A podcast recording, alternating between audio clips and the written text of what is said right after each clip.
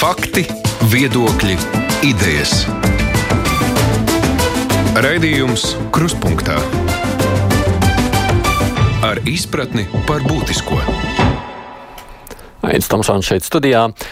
Eiropas komisija ir nākusi klajā ar priekšlikumu izveidot digitālo zaļo certifikātu. Apliecinājumu, ka esat vakcinējies, pārslimojis vai testējies, lai gaidāmajā vasarā atvieglot iespēju cilvēkiem vismaz Eiropas Savienības teritorijā ceļot. Eiropas parlaments šodien šo priekšlikumu jau skata, kas paredz, tad, ka, ja jums būs šāds certifikāts, tad visām valstīm to obligāti būs jāņem vērā, un uzrādot to nebūs jāievēro kādi papildus ierobežojumi. Tomēr, ko tas īsti nozīmē, vismaz man līdz galam skaidrs nav. Kāda tad būs tā atšķirība starp tiem, kuriem ir šāds certifikāts, kuriem nav? To jautājumu ir daudz, tādēļ šī stunda kruspunktā ir veltīta šim tematam. Eironet Plus, Milāno, Zagreba, Brisele, Sofija, Rīga. Eironet Plus, vadošā Eiropas ziņu radiostaciju apvienība.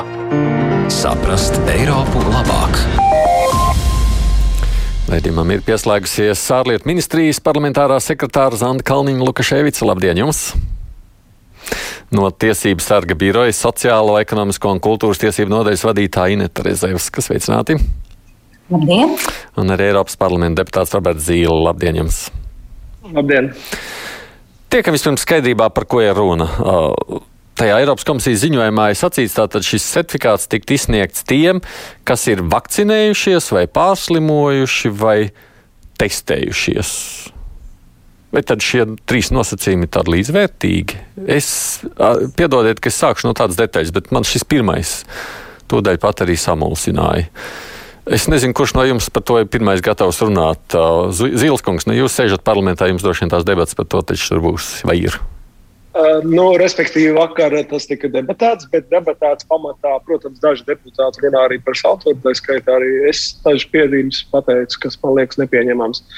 Bet uh, lēmums šodien ir nu, balsots, bet nav zināms rezultāts par to, vai tam piešķirts uh, tā saucamo ātrā ātrā procedūru, okay. lai varētu ātri to pieņemt. Jo neslēpsim, tas mērķis jau ir vidusjūras valstīm pamatā, kuras vēlās turismu sezonu uzsākt.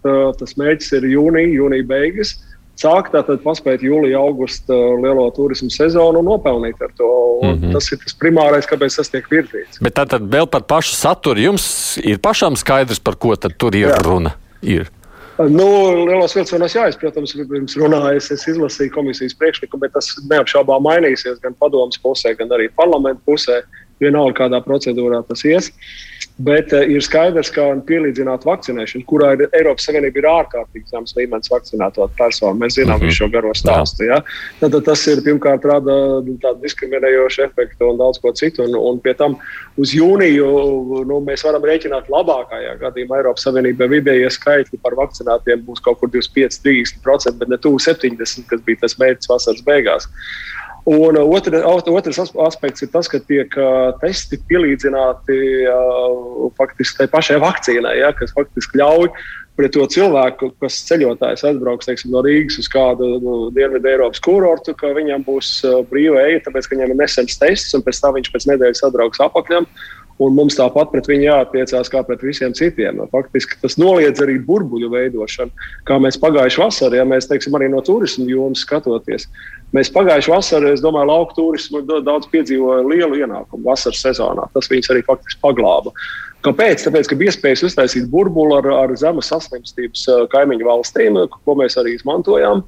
Un tas uh, tiks faktiski nepieļauts šajā gadījumā, jo Eiropas Savienības priekšlikumā jums jā, jātiecās pret lietuviešiem, igauniem tieši tāpat kā pret itāļiem, spāņiem un visiem pārējiem. Kā, tas nozīmē arī, ka liela daļa cilvēku aizbrauks uz riskantām zemēm. Vīrusu mutācija mēs labi zinām, sakojot līdzi, kur viņi sajauksies ar dažādu valstu turistiem. Tas nedēļas laikā atbrauks apakšām un faktiski izklīdīs pa valsti. Tas, ko arī epidemiologi ir minējuši, ka mums tādi. Nu, tas pēdējais vilnis bija no Lielbritānijas atbraukušie un izklīdušie no, no valsts. Arī... Bet es nu, šajā, kamēr jūs sacījāt, es redzēju, ka Kalniņas kundze jau māja ir negatīva ar galvu. Nu, izskaidrojiet mums man jāsaka, vispirms es tiešām piekrītu, ka ir jābūt ļoti rūpīgiem, kādā veidā šādu tipu certifikātus lieto un ko tie nozīmē. Man jāsaka, ka mūsu lasījums par šo komisijas priekšlikumu gan ir mazliet savādāks kā Zīles kunga tikko pieminētais skaidrojums, tādēļ no. žests.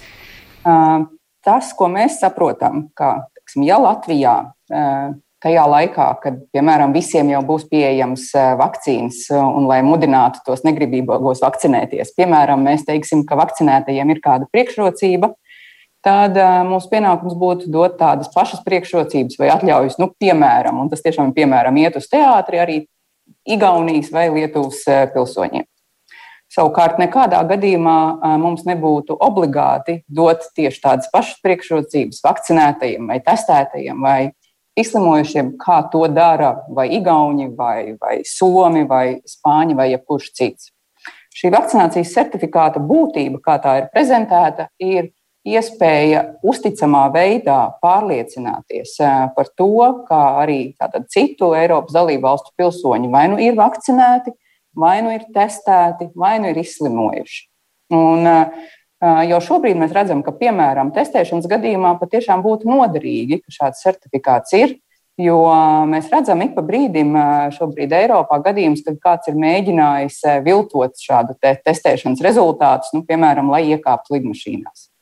Savukārt, tajā brīdī, kad būs šāda vienota e, sistēma, kas e, spēj e, ar noskanējot šo digitālo kodu pārliecināties, ka certifikāts attiecīgajam cilvēkam par testēšanu vai par vakcinēšanos ir tiešām izdots dalībvalsts kādā medicīnas iestādē, tad novērst arī šos viltošanas gadījumus. Kas nozīmē, jā, kas nozīmē, ko jūs sakāt, tam certifikātam faktiski tikai viena jēga - nodrošināt uzticamību, ka tas, ko es saku, ka tas tā patiešām ir. Uh, tam ir divas jēgas. Tātad tiešām šī uzticamība un pārbaudītība. Un, ja dalībvalsts dod kādas priekšrokas saistībā ar vakcinēšanos, testēšanos vai izslimošanu saviem pilsoņiem, ka tāda pati priekšroka attiektos uz citiem Eiropas Savienības dalību valstu pilsoņiem, bet ne vairāk kā pašā dalību valstī. Un, nu, piemēram, jau šobrīd ir zināms, ka teiksim, Nīderlandē tiek veikts tāds pētījums ar nolūku vasarā atļaut lielus koncertus un sporta spēles apmeklēt test, testētiem cilvēkiem. Teiksim, ja viņu tests ir veikts 24 vai 48 stundas pirms pasākuma. Un šāds komisijas priekšlikums, ja viņi īstenos, nodrošinātu ka arī Latvijas pilsonim ar svaigu testu būtu tiesība iet uz šādu futbola spēli Nīderlandē. Bet tas nenozīmē, ka automātiski Latvijā varēs atļaut futbola spēles ar, ar testiem. Tātad kā šī līdzvērtība starp eh, Eiropas Savienības pilsoņiem attiecīgajā valstī atbilstoši attiecīgās valsts eh, regulējumam. Bet ir taisnība, ka līdz to pieņems vēl daudz šķērpju, acīm redzot, tiks lausti. Eh, jo ir ļoti svarīgi, lai eh, nebūtu cilvēku diskriminācija. Tiešām eh, arī es nevarētu piekrist, ka šobrīd būtu kādas priekšrocības vakcinētajiem, kamēr Latvijas pilsoņiem nu, nav iespēja visiem, kas vēlas vakcinēties. Līdz ar to ir jāspēj to nodalīt pa posmiem, un, piemēram, mēs varam runāt par priekšrocībām vakcinētiem cilvēkiem tikai tad, kad visi, kas vēlas, var šo vakcīnu iegūt. Mm.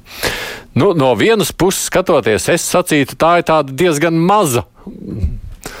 Nu, nezinu, vai vārdiņš jā. Nu, nu, Kā lai es to nosaucu? Ar, ar mazu ietekmi, ar mazu jēgu no tāda viedokļa droši vien, ka, ja es aizbraucu, pieņemsim, uz Itāliju, tad vienkārši Itāļi saka, jā, tieši esat, esat testējies. Es jau tā kā domāju, ka jūsu testēšanai nevar uzticēties, bet ne jūs sakāt, ka esat, tad esat. Nu, kaut kā tā vairāk nekādu citu tādu būtisku jēgu tajā visā es neredzu. Nu, tas būs noteikti pa posmiem. Tiksim, vasaras beigās, kad mēs ceram, ka visiem Eiropas pilsoņiem būs šī vakcinācija pieejama. Es domāju, ar vien vairāk dalību valstis eh, teiks, ka tie, kas ir vakcinēti, eh, var, piemēram, neievērot pašizolāciju pēc iebraukšanas valstī. Un tie, kas ir testēti, tiem tomēr jāievēro. Nu, prot, nē, tas e, atkal būs katras nu, dalībvalsts lēmums. Nē, tas būs katras dalībvalsts lēmums. Ta, tas, ko, tas, ko ir jāsaprot šajā gadījumā, tātad tas, ka viņi ir ielikt šajā vienā ziņojumā, izslimojis, vakcinējies vai testējies, tas nenozīmē, ka visiem trim ir vienlīdzīgas tiesības. Tā, ja? Jā, to lems katra dalībvalsts, kādas tiesības ir attiecīgās grupas cilvēkiem. Mm. Un apņemsies to piemērot arī pret citu dalībvalstu pilsoņiem savā teritorijā. Tā es lasu šo priekšlikumu galveno būtību. Zīles kungam ir ko piebilst, klausoties. Es gan neredzēju, es gan neredzēju pretrunu ar Maris teikto. Jo skaidrs, ka dalība valsts var pieteikt savu režīmu, bet tur ir arī tas nediskriminējošais punkts. Mums aizliedz teiksim, attaisīt burbuļu veidīgo, ko es pieminēju pagājušajā vasarā, kas ir mūsu biznesa un mūsu drošības interesēs. Nevis atļaut to pašu darīt itāļiem, grieķiem un spāņiem, kuriem būs masveida turismu sezona vasarā. Otra lieta, ko es domāju, mums jāsaprot, ka mūsu veselības uh, sistēmas noturība nu, nav tikpat vienāda kā Vācijai, piemēram, vai daudzām citām Eiropas valstīm. Līdz ar to šie mūsu turismu izbraukošie, kas, kuri, kuri arī ir mēķis šajās masu turismu zemēs Eiropā, viņus iegūt. Tas ir nopelnīt uz viņiem. Un, un viņus nevisai interesē, kādā, kādā veselības stāvoklī viņi atbrauks atpakaļ uz, uz Latviju. Tātad nav jau jautājums par to režīmu, ka dalībvalsts, protams, var noteikt. Bet tur ir arī Eiropas komisijas priekšlikumā rakstīts tā, ka faktiski Eiropas komisija ir jāpaziņo, ja dalība valsts ievieš kādas īpašas karantīnas vai pašizolācijas prasības un tam līdzīgi. Tad jāpaskaidro. Tas nozīmē, ka mēs būsim samērā nebrīvi. Bet, ja teiksim, vīrus izplatīsies, ja viņa jaunie paveidi, tad tā būs mūsu veselības sistēmas problēma. Nevis tās turisma valsts, no kurienes šie cilvēki būs atbraukuši. Tik tālu, ko dzirdējāt, Rezevskas kundze, no tāda tiesības sarga biroja, tur iebilžu nav. Jā, es gribēju arī pakomentēt uh, to sākotnējo jautājumu, jo no, mums, no, no mūsu redzesloka skatoties, Jā, protams, tie profili ir atšķirīgi. Vakcinētais ir citādāks nekā testētais. Mēs varētu teikt, ka testētais uz to mirkli, kad viņš izbrauc, ir drošāks nekā vakcinētais. Jo vakcinētais ir tikai pats pasargāts, bet tas neizslēdz, ka viņš var atvest kādu vīrusu mm, uz ārzemēm vai atvest atpakaļ uz Latviju. Tā kā viņš ir potenciāli tāds um, bīstamāks vīrusu pārnēsātājs, tas izējas elements jau it kā ir um, nevienlīdzīgs. Bet, nu, ja, ja ir tā kopējā tendence ar laiku, tad, kad ir lielāka vakcinācijas procenti valstīs, varētu domāt, ka uz to tiek atlīdzina, piemērot vienlīdzīgi nosacījumi. Bet tur visu laiku ir jautājums, vai tiešām tie ir vienlīdzīgi. Otrs jautājums Protams, arī dalībvalsts savā starpā ir ļoti, ļoti atšķirīgas. Ja mēs paši skatāmies uz Latvijas situāciju, mēs atrodamies vakcinācijas līmenī tur pašā beigu Apakšā, galā. Jā. Domāju par Latvijas veselības drošību un veselības sistēmu. Mēs arī droši vien nebūtu ieinteresēti, ka šobrīd, jo, nu, Cerams, ka līdz jūnijam mēs strauji, strauji kāpināsim šo vakcinācijas procentu, bet nezinu, vai Latvija būtu ieinteresēta, ka mums uh, pēkšņi ierodas daudz vakcinēto Eiropas turistu, uh, viņi droši pasargāti pie mums, bet vai viņi mums kaut ko atved vai ne, neatved, nav izslēgts. Tā kā ļoti, ļoti svarīgs ir gan tā epidemioloģiskā drošība, šīs sistēmas efektivitāte. Nu, no mūsu puses skatoties, mēs tomēr redzētu, ka tur ir jābūt dalībvalstīm diezgan lielai arī, arī, arī tomēr nu, rīcības brīvībai ievies šos papildus pasākumus. Ja mēs redzam, ka mūsu rādītāji iet uz augšu, um, tad, tad it kā vajadzētu varēt uh, piemērot tomēr vēl kādus papildus nosacījumus. Um, viennozīmīgi šis ir svarīgs jautājums. Nediskriminēšanas jautājums. Uh, skatoties tīri no tā viedokļa, ka diezgan plašs iedzīvotāju lokus var izmantot šo pārvietošanās brīvību, Mēs tur neredzam ierobežojumu. Svarīgāks ir šis veselības drošības elements. Un, protams, skatoties uz šis, šo sistēmu, viennozīmīgi ir arī svarīgs datu drošības elements. Lai um, iedzīvotāju veselības dati būtu tikai dalībvalsts rīcībā un netiktu izplatīti ļoti, ļoti plaši. Par datiem mēs vēl mazliet beigās tālāk Jā. arī turpināsim runāt, bet klausoties jūsos, it īpaši es saprotu, ka tas ieguvums no tādas manu skatu, jeb Latvijas iedzīvotāju skatu punktu būtu tāds, ka tur vēl ir kāda jēga, tad, ja es braucu ārpus Latvijas. Bet realtātē jau, jau es, nu, mūsu intereses šeit ir drīzāk pasargāt, lai tie, kas tur ir savakcinēti, vienalga vai tā ir uh, Lielbritānija vai kāda cits valsts, lai viņi šeit pašlaik pārlieku daudz ar visu savu savakcinēšanos nebrauktu. Kaut kā tā. Nu, mēs ja drīkst nokomentēt tikko teikto. Es, šis regulējums nepieļauj tādu situāciju, ja neparedz, ka, piemēram, situācijā, kad Latvijā vakcinēti cilvēki ir ļoti maz, un mēs Latvijas cilvēkiem nedodam kādu priekšrocību ar šo vakcinācijas apliecinājumu. Tad nevar būt tā, ka vakcinēti itāļi šeit brauc un bauda kādas brīvības. Nu, jā. Jā, to ir svarīgi visu laiku nejaukt. Ka vakcinētam itālim būs tieši tādi paši nosacījumi kā vakcinētam latvietim. Un kamēr mēs nebūsim izveidojuši, ka katram šeit Latvijā ir pieejama vakcīna, kas grib. Tikmēr mēs taču nedosim papildus brīvības, jo tiešām tā būtu diskriminācija, nebūtu šī vienlīdzīgā pieeja. Un to ir ļoti, ļoti svarīgi uh, visu laiku uz, uh, uzsvērt, un, uh, lai, lai mēs nekļūdāmies skaidrojumā par šo lietu. Vienlaikus apzinoties, ka ar šo pandēmiju mums būs jādzīvo vēl gana ilgi, ja mēs skatāmies ne tikai uz aprīli, maiju, bet teiksim, uz, uz ekonomiku jau rudenī, tad šāda uzticama sistēma varētu palīdzēt Latvijas ekonomikai, Latvijas cilvēkiem, un, piemēram, pat ne tikai runājot par kādiem brīvdienu braucieniem, bet ir pietiekami daudz biznesi, kam tieši uzņēmuma darbības vajadzībām ir vajadzīga kāda komandējuma. Līdz ar to šāda uzticama sistēma nu, jā. būs bet, jā, bet, tā, kas palīdzēs strādāt. Jā, Zilskungs. Bet cilvēki jau tagad brauc komandējumos, un, un ne, nebūtu vienmēr ir tā saucamie essential angliski, kas ir būtiskie. Brauc cilvēki un taisot testus, pirms tam aizlido un atbraucot lidojot apakaļ, dara tos testus, ka tur nekas tāds īpaši principiāli jauns nav. Jā, tādā ziņā tur nekas nemainās. Bet skatoties mazliet vēl tālākajā virzienā. Nu, mēs sakām, tajā brīdī, kad pienāks arī Latvijā brīdis, kad visi, kas brīvprātīgi gribēs, būs varējuši vakcinēties, nu, un kādi izvēlēsies, kas nebūs vakcinējušies. Vai tajā brīdī varētu šī certifikāta ietvaros parādīties atšķirības, ka tiem, kas ir vakcinējušies, ir kādas lielākas priekšrocības nekā tiem, kas nav? Kā jūs saprotat no šī certifikāta? To lems Latvijas valdība. Un, attiecīgi, šobrīd šādi lēmumi nav pieņemti. Nu, protams, šobrīd es personīgi domāju, tīpaši redzot arī šobrīd to uh, būtisko iedzīvotāju daļu, kas neplāno vakcinēties, ka būs nepieciešami pozitīvi stimuli. Un es domāju, ka tajā brīdī būtu iespējams arī lūkoties uz citu valstu piemēriem. Teiksim, bieži tiek piesaukta Izraela, ka teiksim, vakcinētiem cilvēkiem ir virkne priekšrocību, teiksim, kādu izklaides atpūtas pasākumu apmeklēšanai. Es domāju, ka mums būs jāskatās uz tādiem plašākām lietām, gan ko atļaut vakcinētiem cilvēkiem, gan kādas priekšrocības dot pat ārpus šī zaļā certifikāta ietvara. Es domāju, ka būtu jēgpilni apspriest, piemēram, iespēju vakcinētiem cilvēkiem piešķirt papildus apmaksātu brīvdienu. Nu, līdzīgi kā, piemēram, donori, kas dodas nodot asinis, saņem brīvdienu, varbūt mums ir arī par vakcinēšanos jādod šāds, šāds bonus.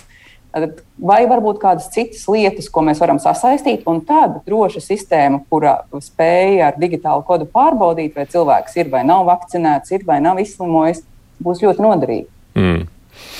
No, Zilskungs, es domāju, šaubīgi skatos. Laikā, kad cilvēki stāv faktiski citas vecuma grupas un citas kategorijas, kas vēl nav vakcinēti. Tur ir ļoti daudz gribētāju. Šī brīdī Nē, es, runā, es runāju par to, nākotni, par tālāku Nē, nu, tālā nākotni. Skaidrs, ka tas tā varētu būt, bet mums jāsasniedz tie Eiropas komisijas iepriekš izvirzītie 70%, un tad mēs tādu veidu certifikātu varam darbināt. Nu jā, jā, runa par to, kurā brīdī tie, kas ir brīvprātīgi varējuši, ka to ir izdarījuši. Es jautāju no tāda viedokļa, vai šis zaļais certifikāts šajā ziņā tādas tiesības valdībai lemt dod vai nē. Es sapratu no Kalniņas kundzes, ka dod, un ka tas pat var šajā ziņā palīdzēt. Droši vien šis savukārt no tiesības sarga viedokļa varētu būt strīdīgs jautājums, vai tā? Jā, viennozīmīgi tas varētu būt strīdīgs jautājums, jo, kā mēs zinām, mm, ir iedzīvotāju grupas, kuras eh, nevar vakcinēties tīri, eh, pieņemsim, veselības apsvērumu dēļ. Vienkārši nevar vakcinēties, un viņiem šī iespēja um, nav, nav pieejama. Tāpat um, kādi ētiski vai reliģiski apsvērumi kas varētu neļaut vakcinēties, vai arī tīri cilvēku izglītības līmenis. Tagad mēs uzskatām, ka valdībai ļoti, ļoti daudz jāstrādā pie tā, lai cilvēkiem tiešām rastos šī pārliecība, ka vakcīna ir droša un, un tas, tas ir labākais šajā gadījumā, kas vispār iespējams, lai no šīs pandēmijas tiktu uh, ārā. Bet, protams, tajā mirklī, ja mēs iekšienē Protams, attiecinot arī uz, uz citu valstu uh, ieceļotājiem tos noteikumus, mēs pasakām, ka vakcinētie ir uh, nu, stipri privileģētākā stāvoklī, un citas grupas tur uh, netiek uh, pielaistas. Nu, šis ir ļoti, ļoti vērtējams. Ja piemēram skatāmies uz to digi, zaļo digitālo certifikātu, tur tomēr arī ar testēšanu var um, iegūt līdzvērtīgas tiesības, vismaz mēs tā saprotam. Tad uh, šie cilvēki, kas nevar uh, ētisku, reliģisku vai savas izglītotības dēļ uh, vakcinēties, vai, vai viņiem vakcīna nav pieņemama, um, mēs uzskatām, ka būtu pareizi, ja viņi spētu šiem kopējam labumam, kas būtu vakcinētajiem, pieejams tikt klātī ar testu. Nu, tad tomēr tā ir iespēja. Mēs um, droši vien, ka nu, būtu skeptiski par to, ka kāda grupa patiešām pavisam tiek atstāta ārpusē, jo, jo dažkārt tie var būt patiešām objektīvi apsvērumi, kāpēc cilvēks nevar vakcinēties. Tomēr tai, tai pieejai vajadzētu būt iespējamai, priekš, pieejamai visiem, vai nu tā ir vakcīna, vai tas ir tests, kas patiesībā izskatās šodien drošāks pat kā vakcīna no, no, no vīrusu pārnēsāšanas viedokļa, bet tie, tam labumam, koncertam vai vēl kaut kam, kur, kur tiek ar zaļajiem certifikātiem iekšā, tomēr vajadzētu būt plašākai pieejai. Gan tā kā Eiropa ir paredzējusi, ka tur ir gan testētie, gan, gan pārslimojušie. Ja, protams, arī pārslimošana tīri tehniski droši vien, ka tur ir tur kaut kādi periodi, periodiski jāpārbaudās, vai antivielas vēl ir saglabāts un tā tālāk. Tie visi tādi ļoti tehniski un sarežģīti jautājumi, bet mēs uzskatām, ka tomēr tam labumam būtu jābūt pieejamam visiem veicot kādus nebūtu pasākumus. Es šajā diskusijā dziļāk neiešu, jo mēs tiešām runājam šobrīd par nākotni, kas nav pašreizējā aktualitāte. Tāpēc tajā neiebraucot iekšā, es šo jautājumu aktualizēju vienu jautājumu iemeslu dēļ. Ja mēs runājam par Eiropas Savienības certifikātu kā certifikātu, kas darbojas visā Eiropas Savienībā, mēs redzam šobrīd, ka ir valstis, kuras jau šobrīd dod vakcinētajiem lielākas priekšrocības nekā nevakcinētajiem. Mēs dzirdam ziņās par Grieķiju, kas saka, ka viņi uzņems turistus tos, kas ir vakcinējušies. Tas nozīmē, nesagaidot to, ka mums būs iespēja šo brīvprātīgi izraudzīties. Ir jau valsts Eiropā, kuras jau šobrīd to tūlītās ieviesīs un darbinās. Vai šis certifikāts kaut kādā mērā šo regulēs? Vai nē, un tā būs valsts izvēle, un mēs te varēsim izstiepties vai sarauties ar savu vakcīnu trūkumu? Kalniņas kundze. Grūts jautājums. Tātad, Grieķijai būs tiesības to noteikt. Eh, ir, eh, protams, eh, no tāda cilvēktiesību viedokļa, no etikas viedokļa ļoti diskutabli, cik pieņemami ir situācijā, kad vakcīnas apgūta trūkst un cilvēkiem viņas nav vēl pieejamas, dot kādas priekšrocības, līdzīgi kā mēs tikko jau diskutējām. Tas patiešām ir ļoti rūpīgi vērtējams. Bet šobrīd sistēma ir tāda, ka tas ir dalību valsts tiesības kādas priekšrocības lemt. Nu, tad atšķirība būs ar šādu zaļo certifikātu, ka ne tikai pats grieķis, teiksim, no Atēnām varēs aizbraukt uz kādu grieķu salu atpūsties, bet nu, arī vakcinētam latvietim tāda uh, tiesība būs. Jā. Bet es domāju, tieši par to momentu, kurā to sākt uh, pielietot, varētu būt vislielākās diskusijas uh, gan dalībvalstu starpā, gan, es minu, arī Eiropas parlamentā. Jo tas tiešām ļoti ir saistīts ar, ar cilvēktiesību jautājumiem, ar, ar šo, arī tādām ētiskajām dilemām. Uh, Jo man būtu pieņemama savu priekšrocību došana tad, kad vakcīnas ir pieejamas. Bet šobrīd paša valsts to var lemt. Un tas ir jautājums arī Rezevskas kundzei. Jūs sakāt, lūk, jums būtu iebildes, ja mēs Latvijā kaut ko ļautu vai kaut ko neļautu. Bet mums jau nav nekādas iespējas ietekmēt vai iebilst par to, ja Grieķija laidīs savā teritorijā tikai vakcinētos un nevakcinētos nē. Jā, pret Grieķiju droši vien, ka Latvija, Latvijai tiešā veidā, un kur nu vēl tiesības sargu birojām, būtu grūti ko iebilst. Um, bet, nu, jā, vairāk mēs tagad skatāmies uz to Latvijas situāciju un, un, un vērtējam, kā, kā Latvija, kā, kādā virzienā iet Latvija. Mm -hmm. nu, jā, tas jautājums ir vēl tāds stipri, stipri neskaidrs. Es to jautāju arī Zīles nu, kungam, jo nu, droši vien jā, jau, kad jūs meklējat kaut kādu Eiropā, nu tādu vienlīdzīgāku pieeju ne, Eiropas līmenī. Vienlīdzīgāka nenozīmē brīvāka kustība laikā, kad epidēmija plosās Eiropā ļoti nopietni. Mm -hmm. Pašlaik dalība valsts.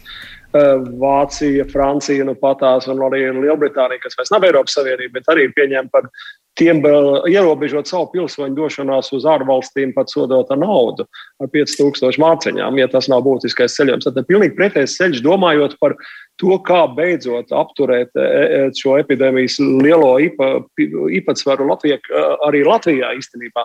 Kas nozīmē, jo ilgāk mēs apdraudēsim savu šo epidemioloģisko drošību, jo vēlāk mēs atvērsimies no saviem ierobežojumiem.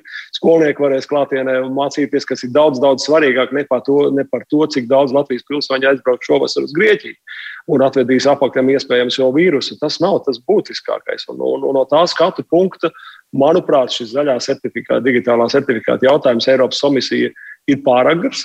Tas nākotnē varētu uz tā balstīties, bet tas nav šīs vasaras jautājums. Tas ir pilnīgi viennozīmīgi, jo Eiropa nav gatava ne ar vakcinēšanos, ne ar jēgu, ka tas īstenībā uh, atliks ierobežojumu atcelšanu ļoti daudzās dalību valstīs.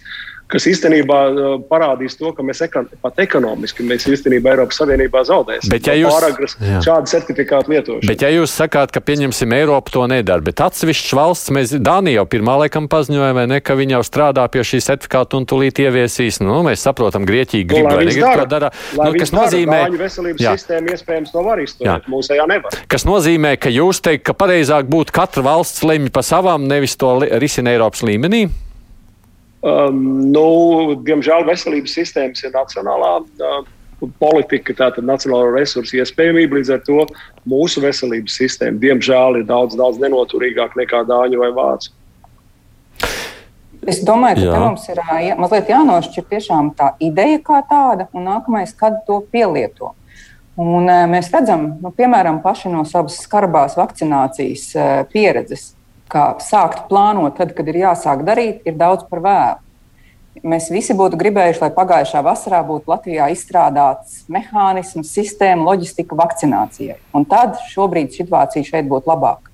Un pēc šīs analoģijas es domāju, pareizi šobrīd saulaicīgi, normāli sagatavot šādu eventuālo zaļo certifikātu. Ir jāsaprot, ka tas prasīs arī kaut vai šo elektronisko digitālo sistēmu izveidi. Un, ja tas būs izdarīts, šis plānošana, diskusijas dalību valstu un parlamentu starpā būs izdarīts, tad brīdī, kad būs sasniegt šie 70% vakcinēto, mums būs sistēma, ko iedarbināt. Bet Jā. tajā brīdī sākt to izstrādāt, gan būs par vēlu. Tādēļ es domāju, ka mums ir pie šī jāstrādā. Mums vienkārši jāspēj pat vissmagākajā krīzē skatīties dažus mēnešus, vai pusgadu, vai gadu uz priekšu, un atlasināt savu laiku un enerģijas resursus arī šim nākotnes risinājumiem. Mm. Tieši tā, bet ne pātrinātā procedūrā, kā Eiropas komisija to ierosina. Kā parlaments tāpēc dabūja balsot par to.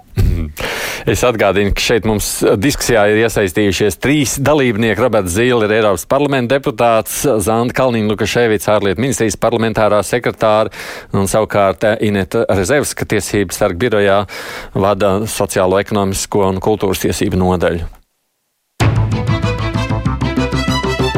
Raidījums Krustpunktā. Mēs pēc brīža sazvanīsim tūlītās lidostu, bet es šajā kontekstā gribu jautāt šādi.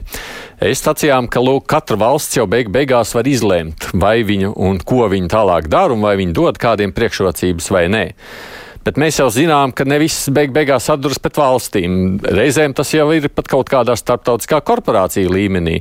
Mēs zinām, ka arī lid sabiedrības ir sacījušas, ka viņas varētu kādiem dot lielākas priekšrocības nekā citiem.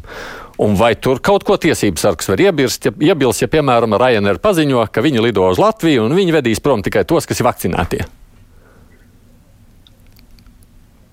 Jā, Ryanair, manuprāt, ir īru lidkompānija. Tādai droši vien, ka mēs neko īsti ieteikt nevarēsim, lai gan darbojas viņi šajā teritorijā. Mm. Mm. Visticamāk, būtu sūdzība, mēs skatītu. Mm -hmm. Jā, iespēj, iespējams, ka mm, rekomendēt mēs varētu, bet nu, ļoti tāds vērtējams jautājums starp valstu kompānijām. Nu, lai gan jā, ja viņi darbojas Latvijā, visticamāk, ka, ka mēs to varētu vērtēt. Jautājums ir interesants, tāpēc, ka es domāju, ka šeit šīs tādi adatiņas no Ilēna līdīs viena pēc otrā ārā šādā situācijā. Mēs esam sazvanījuši šobrīd no lidostas Rīga komunikācijas vienības vadītāja Laura Kulakovu. Laura, vai jūs mūs dzirdat? Dzirdu, sveiki, labdien. labdien! Vai lidostai ir skaidrs, ja runājam par zaļo certifikātu un vakcīnu iespējamām pasēm, kuras dažādas valsts varētu vai nu īstenot, dodot atļaujas vai nē, un iespējams arī sabiedrības, ka kādas līdzsabiedrības jau šobrīd spriež, ko varētu un ko varētu, nu, proti, kā varētu segmentēt, jeb segregēt dažādus lidotājus?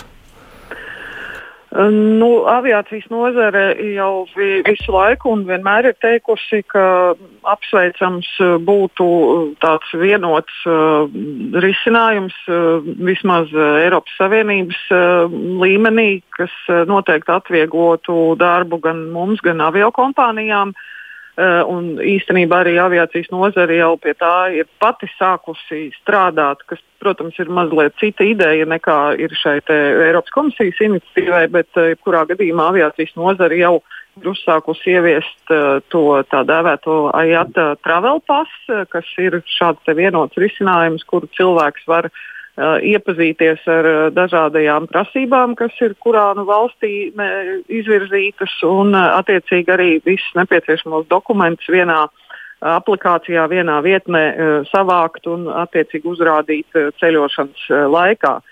Tā kā, nu, no tāda viedokļa, ja šāds vienots uh, risinājums, uh, kas uh, ļautu cilvēkam vienā vietā uzrādīt visus nepieciešamos dokumentus, protams, būtu tikai apsveicams. No otras puses, neapšaubāmi ir ļoti būtisks tas cilvēku tiesību un mm, cilvēku pārvietošanās brīvības uh, aspekts, it sevišķi situācijā, kad uh, gan vakcinācija, gan testēšanās nu, ir tomēr ierobežoti pieejama šajos pašreizējos apstākļos, ir īpaši runājot par vakcināciju. Tāpēc ļoti, ļoti rūpīgi ir jāvērtē tas, vai tas nekļūst par kaut kādu diskriminējošu momentu, ierobežojot cilvēku tiesības brīvi pārvietoties. Nu, tajā pašā laikā, protams, nu, lidosta ļoti ir atkarīga no tā, kas notiek ne tikai Latvijā, bet arī ārpus Latvijas. Un droši vien, piedodiet tādu provocējošu jautājumu, ja jums ir iespēja izvēlēties strādāt un pelnīt naudu, tāpēc, ka kādi, kas vakcinētie var lidot, nekā nelidot, tāpēc, ka viena daļa, nu, saka, nē, mēs ievērojam cilvēktiesības, tāpēc neļaujam lidot nevienam. Beig beigās lidost ir ieinteresēti strādāt, vai ne? Kaut vai šādā formātā. Nu, mēs varam strādāt uh, tikai tad, uh, ja, ja ceļošana un ceļojumi ir epidemioloģiski droši. Un, uh, līdz ar to jebkurš risinājums, kas veicina to, ka šie ceļojumi ir epidemioloģiski droši, tie, tiek atbalstīts arī no nozares puses, un nozara to arī ir Uh, pierādījis gan lidostu, gan avio kompānijas, kas uh, īstenībā vēl pirms uh, valstis sāka ieviest tādas prasības kā obligāts maskas visur un obligāta distancēšanās un tam līdzīgi. Tad lidostās un avio kompānijās šīs prasības tika ieviestas jau, jau pagājušā gada pavasarī, tā skaitā nu, Rīgas lidostā. Viss šis bija, nu, visādā ziņā mēs esam gatavi strādāt ar uh, un esam arī uh, pierādījuši un apliecinājuši savu gatavību gan uh, būt atbildīgiem un strādāt uh, tā, lai tas būtu epidemioloģiski droši, gan arī ātri un efektīvi ieviest uh, risinājums, bet mums noteikti būtu vieglāk strādāt, ja, mē, ja mums būtu iespēja strādāt ar vienotām prasībām mm. uh, visā Eiropas Savienībā. Nevis kā tas ir tagad, ka katrā valstī mm. ir savas prasības. Bet, tas cilvēkiem ir daudz sarežģītāk un daudz grūtāk. Nu, tas gan taisnība. Vēl viens pēdējais jautājums. Jums ir kāda no avio sabiedrībām? Mēs esam dzirdējuši ar Baltiku sacījis, ka viņi apsver to iespēju, ka, piemēram, viņi varētu vakcinētajiem dot priekšrocības vai ne pārvadāt tikai tos. Jums ir kāda avio sabiedrība jau kaut kāda ziņa devusi, ka viņi tajā virzienā lūkojas? Šobrīd no tām avio kompānijām, kas strādā Rīgas lidostā, nē, šādas iniciatīvas nav bijušas. Ir mhm. cita veida iniciatīvas, piemēram, tas pats Air Baltica joprojām nelaiž uz borta pasažierus ar paaugstinātu temperatūru. Arī Lufthansa ir šāda prasība. Ar Baltiku arī gatavojas pievienoties manis minētajai AIATA Travel Pass, kas būs tas tāds tā kā dokumentu apkopošanas iespēja. Eh, bet eh, runājot par Baltika apsvēru, ka Baltikas apsvērtu iespēju ieviest eh, vai dot priekšrocības vakcinētiem ceļotājiem, tas nu gan nebūs taisnība. Gausa kungs ir vairāk kārt uzsvērs, ka kamēr vakcinācija nebūs plaši pieejama jebkuram cilvēkam, tikmēr viņi šādu variantu neapsver. Mm -hmm. Otrādi. Labi, paldies par precizējumu. Es saku Laurai Kulakovai, kas ir no Lidostas Rīgas komunikācijas vienības vadītāja. Vēl šo sadaļu pabeidzot, uh, ir tā vai ne, ka Zīles kungs te jau tas jautājums par to, kurš ko ļaus, reizēm varētu būt diezgan grūti robežu novelkams. Ne? Nu, tieši tā, es domāju, ka ja būtu nu, 70% vakcinācijas līmenis Eiropas Savienībā un vīruss būtu krietni samazinājies, viņa izplatība ar šiem uz 100 tūkstošu iedzīvotājiem, tad par to varētu runāt. Bet mums vienmēr jāatcerās, ka, diemžēl, nu, dažādās dalību valstīs Eiropas Savienībā ir dažādas iespējas. Uh, un uh, pretoties šim vīrusam. Un katrā ziņā tas, kas varbūt ir izturams kādai lielākai, bagātākai valstī, nav izturams Latvijai. Un es vienmēr atceros arī to par šo brīvo ceļošanu, kas ir Eiropas komisijas virziens, kad pandēmijas laikā, ja mēs atceramies Uga Dumpis, mūsu ļoti pazīstamais epidemiologs pavisam nesen teica, ka faktiski, ja mēs paskatāmies atpakaļ, tad tie trīs tādi posmi visi bija ievesti tie vīrusi. Tātad pagājušajā gadā, kad bija kalns, kalns lēpošanas turisms, pavasarī pusē tas bija pirmais vilnis, kas varbūt nebija tik liels. Tad bija vasaras beigās, rudens sākumā bija tie Latvijas turisti izbraukuši, kas atgriezās, un visbeidzot no Lielbritānijas atbraukuši ap Ziemassvētkiem laiku, kur 600 cilvēku pēc viņa vārdiem izklīda pa visu valsti. Un, nu, un skaidrs, ka šīs mutācijas dod papildus nu, ziņas par to, ka tas tā nebeigsies. Līdz ar to mums, kā nelielai valstī, ar, ar, ar, mums ir ārkārtīgi svarīgi tomēr atdzīvināt savu vismaz pašpatēriņu cilvēkiem iespējas normālā veidā strādāt un skolniekiem, protams, mācīties.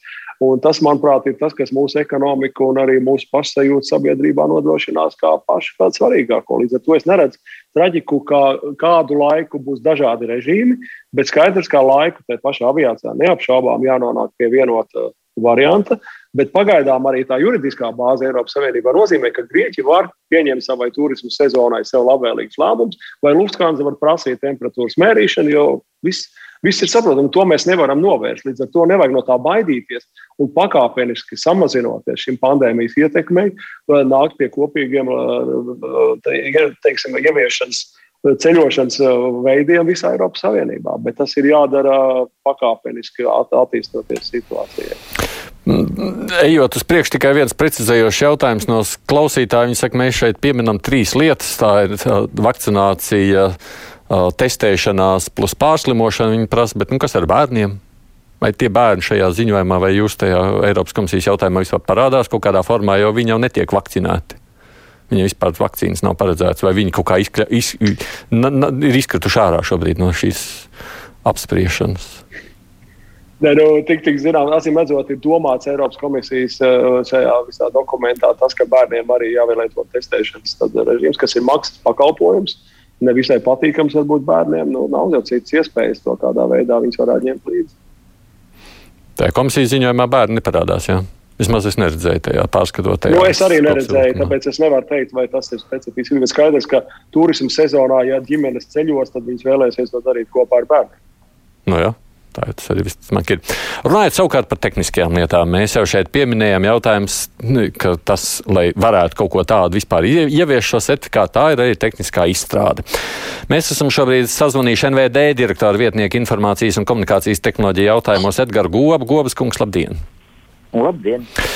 Skatoties no tādas tehniskās iespējas iesaistīties šāda digitālā zaļā certifikāta izstrādē Latvijā. Mums, mēs esam spējīgi, mums tā pieredze ar e-veselību tagad ir uzlikusi vienmēr sajūta, ka man liekas, ka mēs tur visu laiku ejam garām.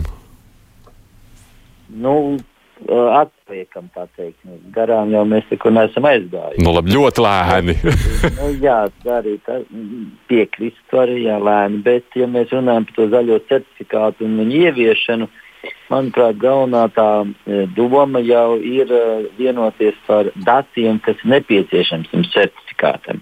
Jo šobrīd, ja mēs skatāmies no datu puses, tad e, daļa datu ir e-veselībā, kurus varētu izmantot šī certifikāta informācijas kā, nodrošināšanai, bet daļa vēl nav. Un mēs eh, pirms eh, arī eh, mums ministrija un viss ir izdomājuši ar Eiropas komisiju, kas būtu tās gala datu kopas, kas būtu vajadzīgs šim certifikātam. Tur ir trīs datu kopas, tur ir vakcinācijas fakts, tur ir šīs analīžu rezultāti un izslimošanas fakts. Un mums būtu jau jābūt uz to brīdi gataviem, jau kur mēs šos datus noliekam tā, lai ceļotāji nu, ne, būtu e, pieejams jebkurā laikā šie dati. Kaut arī viņš ceļo vai neceļo, bet lai tie dati būtu apkopoti un stāvētu uh, atsevišķi pieejamā vietā. Un šo certifikātu nodrošināt. Protams, ņemot vērā visas Eiropas tās iniciatīvas, kas ir domāts tā centrālā vietne, kur apmainās ar certifikātiem, lai viņi varētu pārobežā pārbaudīt, vai šī e, informācija, kas piemēram ir lietotājiem līdzdrukāt ceļotājiem, vai viņi ir, nu, kā lai saka, droša un izsniegta, nevis pats ir saģenerējis šo datus un iesniedz robežsargam. Nu, tā īstenībā. Bet nu, mums jau ir svarīgi, ka ne tikai mūsu dati ir pieejami tajā brīdī, kad mēs kaut kur dodamies. Mums ir jābūt pieejamiem arī viņu datiem. Nu, proti, mums jābūt tā ir tāda datu apmaiņa visas Eiropas līmenī. Jā, bet Eiropa jau tieši tāpēc iet runa par to, ka viņi, e, viņiem jau ir centrālā datu apmaiņas platforma, kur viņi apmainās, e, piemēram, dalībvalsts, kas jau ir ieintegrējušās ar e, da, pacientu pamatdatiem un e-receptēm. Tāda platforma jau eksistē, tikai tās platformas, kā lai saka, uh, nu, darbība jāpaplašina. Šo, šobrīd tieši tā, šī Eiropas organizācija, kas e-health network, ar šo nodarbojas. Un kā tikko būs eh, specifikācija gatava, tā arī dalībvalstis varēs šim projektam teikt, pievienoties un arī šos datus nodot šai centrālajai platformai. Paralēli Pasaules veselības organizācija arī nodarbojas ar līdzīgu uh, aktivitāti. Arī šādu jau pasaules līmenī, šādu centrālo vietni, bet jāatcerās, ka šī centrālā vietne neuzglabās uh, nekādu informāciju par uh, vakcinēto vai par personu. Tā tika apmainīsies ar certifikātiem, kuriem pārbaudīt, vai šis paraksta certifikāts, kas parakstīts, šī informācija parakstīta, ir nu, kā, iz, droša no izsnie, izsniegšanas viedokļa. Ir jau mums arī bijis tā jautājums. Es jau, protams, neesmu tehnoloģija cilvēks, tāpēc es varu arī kaut ko muļķīgi jums pajautāt. Bet mums jau ir bijis tā, ka mums tieši vai nu to sistēmu savietojamība, vai tā spēja beig beigās šos datus dabūt, ir bijusi tā galvenā problēma. Es aizēju pie ģimenes ārsta, viņi izraksta recepti, bet nākamā dienā aptiekā nav, jo izrādās tur kaut kas no, no ģimenes ārsta līdz aptiekai nav atnācis. Vai nu, šeit jau ir stāsts īstenībā, ja mēs runājam par testēšanos, tur ir stāsts nu, 24 stundas. Nu, varbūt 48. Pie tam tas, tas dats, kas ir bijis šeit Latvijā, būtu jābūt pieejamam Nīderlandē. Nu, tā, tā, tā nav aptiekta starp ģimenes ārstu un aptieku tikai dati tieši tāpēc mēs arī domājam, lai tie dati būtu pieejami cilvēkam aizbraucot uz ārzemēm, ja viņam nav, piemēram, izdrukāts šis apliecinājums. Nu, viņi var par apliecinājumu, par certifikāciju, vienalga, kā mēs viņu nosaucam, lai viņš būtu pieejams mums, piemēram, tad mēs tieši domājam vēl droši vien, nu, es tikai teorētiski varu izteikt, piemēram, to pašu vietu, man vakcīna LV, kur lietotājs var autenticēties ar banku vai, vai EID karti un šo informāciju tur arī saņemt, jebkurā valstī atrodoties. Galvenais mums ir nodrošināt šī vietnes pieejamību 24-7 režīmā, bet, protams, jāņem vērā arī tas, kad eh, ja laboratorija šo informāciju nenodos laicīgi, viņi ne, vienkārši nebūs ko, at, ko iedot šim lietotājam. Tur tiešām jāpadomā par šo datu apmaiņu ar tām iestādēm, kas būs un kas veiks šo te testēšanu vai piemēram to pašu vakcinācijas faktu nodošanu. Kaut arī likumdošanā jau ir ierakstīts, nu, ka jānodod uh, tūlīt vai nu, piecdienu darbdienu laikā, piemēram, ierakstīts ministrs kabinetes noteikumos. Ja. Bet, protams, ka viss atkarīgs būs no to datu, datu atdošanas. Man pēdējais jautājums tikai, cik jūsuprāt mums vajag resursus laika ziņā un finansiālā vai nezinu, darba enerģijas ziņā, lai mēs šādi sekmīgi realizētu Šobrīd eh, tā naudas izteiksme mēs nemācīšu pateikt, bet eh, nu, cik ir vismaz eh, esam iesākuši diskusiju pašā sākumā. Un, protams, vēl jāizanalizē tās platformas, kas ir saražotas un kā to visu var ērti un lietot. Nu, es domāju, ka nu, tos tādus, kas, ir, kas, kas ir iz, izteikušies par to, ka vasarā tādam ir jābūt, es domāju, nu, viņam mums nebūs nekas cits, kā to nodrošināt nu, vasara tas optimālākais, kad šo te varētu iedarbināt. Protams, ņemot vērā, ja tiks galā ar šo nododamo informācijas apjomu. Kā jau minēju, mums jau daļa ir, vakcinācijas fakts mums jau ir, e, no kā mums paņemt pašai veselības sistēmā, nu, jātiek skaidrībā laboratorijā. Laboratorijas dati. Edgars Gobi ir NVD direktora vietnieks informācijas komunikācijas tehnoloģiju jautājumos. Mēs redzējām šodien ziņu, Igaunija saka tā, viņiem aprīlī būs. es paklausījos. Jāsaka, ka Igaunija veido tiešām šādu pasaules līmeņa pilotu projektu, sadarbojoties ar gan Eiropas komisiju, gan Pasaules veselības organizāciju. Un Igaunijas kolēģi ir aicinājuši arī Latviju iesaistīties šajā pilotprojektā, lai jau laicīgi notestētu, kā dati ir savietojami, kā tie darbojas. Un, un, nu, mēs no ārlietu ministrijas arī esam tiešām aicinājuši mūsu veselības ministrija un padotās iestādes atrast iespēju sadarboties ar Igauniju šī pilota projekta izstrādes gaitā jau, lai mēs atkal tiešām nebūtu kaut kā par vēlu pamodušies vai sistēmas nebūtu savietojamas. Ir jāsaka, ka pat Igauni šobrīd arī attiecībā uz vakcinācijas certifikātu piedāvā iegādāties viņu sistēmas vai vismaz laikus notestēt savietojamību starp mums vēl izstrādē esošajām. Un, nu, to noteikti vajadzētu darīt. Tad mums Igauni varētu palīdzēt šajā ziņā, varbūt vismaz šādā veidā iet pilotā uz priekšu. Ja? Skatoties uz to, redziet, Zilskungs, jūs teicāt, nu par agru vēl šo, man liekas, ka mums nekas nav par agru. Mums vasara vēl tik tā, tā, tā.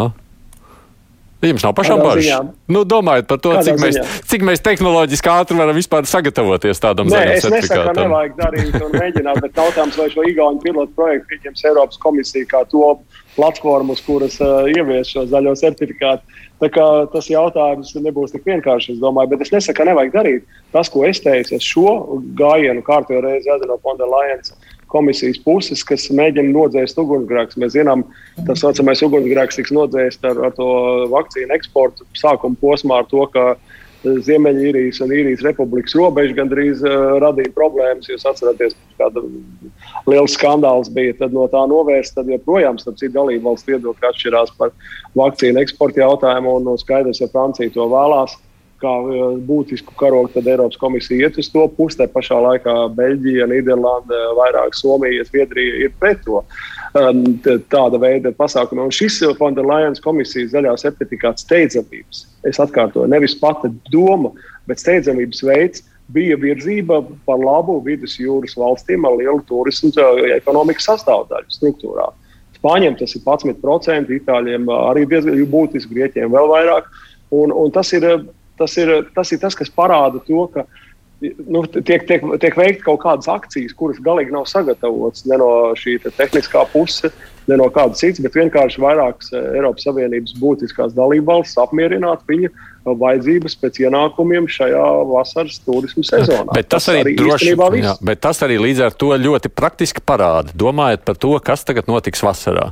Tas visticamāk nozīmē to, ka vasarā, ja kādi latvieši gribēs, viņi droši varēs braukt uz Spāniju, ja būs vakcinēti. Nu, tātad dakteri, kas tur, jo es, es arī klausījos šodien Eiroņos, tātad Spānijas šobrīd politika ļoti cītīgi turismu birojas pārstrādā visu savu politiku, lai vasarā uzņemtu pensionārus.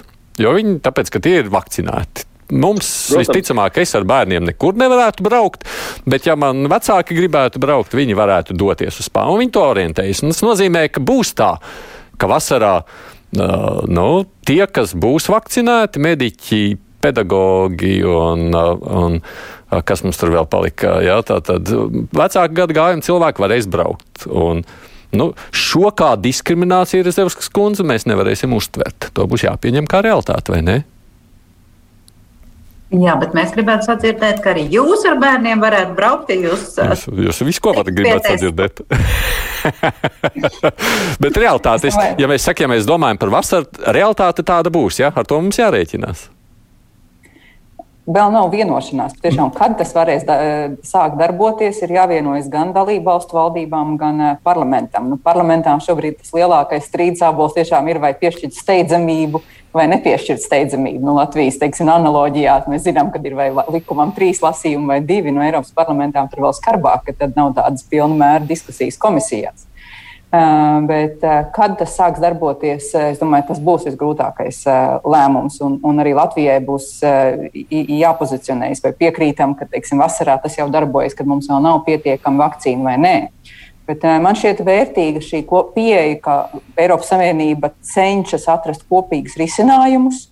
Un ir jāsaka, ka vienlaikus ar šo zaļā certifikātu priekšlikumu komisija publicēja vispār tādu paziņojumu par kopēju pieeju drošai uh, atvēršanai, kā viņi to sauca. Un, uh, tur ir vairākas vēl papildus labas lietas, ko komisija apņemās darīt. Viena ir saistībā piemēram, ar, ar zālēm un medicīnisko aprīkojumu, tostarp arī dalību valstīm piegādājot tādus kā um, dezinfekcijas robotus, kas spēj ļoti ātrā veidā dezinficēt telpas. Tāpat tās arī būs um, sagatavot priekšlikumu, lai būtu gatavība reaģēt, ja ir jauni uzliesmojumi, un piedāvāts izstrādāt vienots tāds algoritms ietekmes rādītājiem atkal kādus ierobežojumus, pasākumus ieviest. Un tāpat tās arī komisija ir apņēmusies pavisam drīz izstrādāt, protams, tādas brīvprātīgas vadlīnijas, bet kā dalība valstīs varētu ar līdzīgiem nosacījumiem atvērt viesmīlības nozari, gan teiksim, kultūras jomu. Un, nu, atkal tas būs brīvprātīgi, bet būtu, protams, ļoti vēlams, ja būtu šīs nosacījumi līdzīgi un, un cilvēkiem būtu iespējams normālāk izsakot. Jo šobrīd ir, ir, ir ļoti grūta tā situācija. Vienā valstī viena nosacījuma, citā citi, un šī pieeja vismaz mēģināt risināt gan to testēšanu, certificēšanu, medicīnu, gan arī šo atvēršanu, un vienlaikus uzreiz arī sagatavojot vajadzīgos mērus iespējamai aizvēršanai, ir pareizs ceļš. Un tas parāda to, to Eiropas vismaz vēlmi un cenšanos atkal strādāt sinhronāk Jo nu, mēs nedrīkstam pieļaut to pagājušā pavasara situāciju, kad aizvērās robežas un pat uh, preču uh, pārvadātāji kavējās.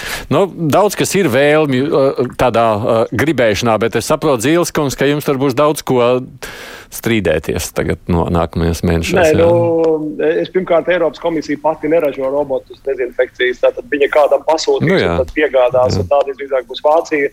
Uh, bet uh, otr, otrs jautājums, uh, tas, ka Eiropas komisija izstrādās ierobežojumu paveids pie konkrētas pandēmijas nu, teiksim, līmeņa, Tas nozīmē, ka nu, Latvijas valdībai tas nāk pa labu. Tad nebūtu stundām ilgi jāsēž un tikai jāpaskatās, cik mums ir kāds kritērijs un jāievieš Eiropas komisijas rekomendācijas. Es ironizēju, protams. Tātad skaidrs, ka apdzīvotības blīvuma, mentalitāte, cilvēku socializēšanas prasmes dažādās dalībvalstīs ir dažādas. Ļaujiet valdībām zināt to labāk pašām. Tātad skaidrs, ka kaut kādai darbībai pārobežu ceļošanā jā, jā, jāmēģina integrēt nākotnē, Bet, ja mēs noļa, noļa, nojauksim nost iespēju valdībām labāk zināt nekā Briselē, tad uh, mēs iebrauksim lielās auzās. Jo tad, kad būs liela saslimstība, tad veselības sistēma, diemžēl, no Vācijas, mēs ned, Vācijas sistēmu mēs nedabūsim Latvijā. Dalībvalstīm paliek lēmumi. lēmumi jā. Savukārt idejas un tā teikt, spīķeris, nu, mums pašiem ir savas idejas. Mums. Es, domāju, pie, es saprotu, ka viena lieta būs gribēšana, bet otra bū, lieta būs realitāte. Man izskatās pēc raidījuma, ka tur tās divas lietas kopā neies.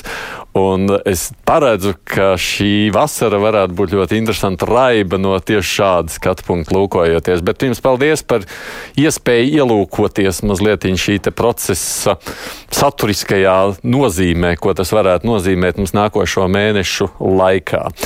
No ārlietu ministrijas parlamentārā sekretāra Zanta Kalniņa Lukaševits, paldies jums par iesaistīšanos. Eiropas parlamenta deputāts Roberts Zīle, arī jums paldies. Nu, un, protams, arī no Tiesības sarga biroja šeit mums bija sociālo, ekonomisko kultūras tiesību nodaļas vadītāja Ineta Rezerska. Paldies. Producenta kruspunktā Evi Junām un studijā biju arī es, Aidis Tomsons.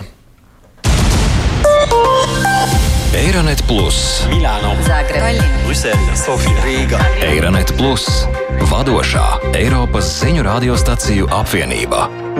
Saprast Eiropu labāk!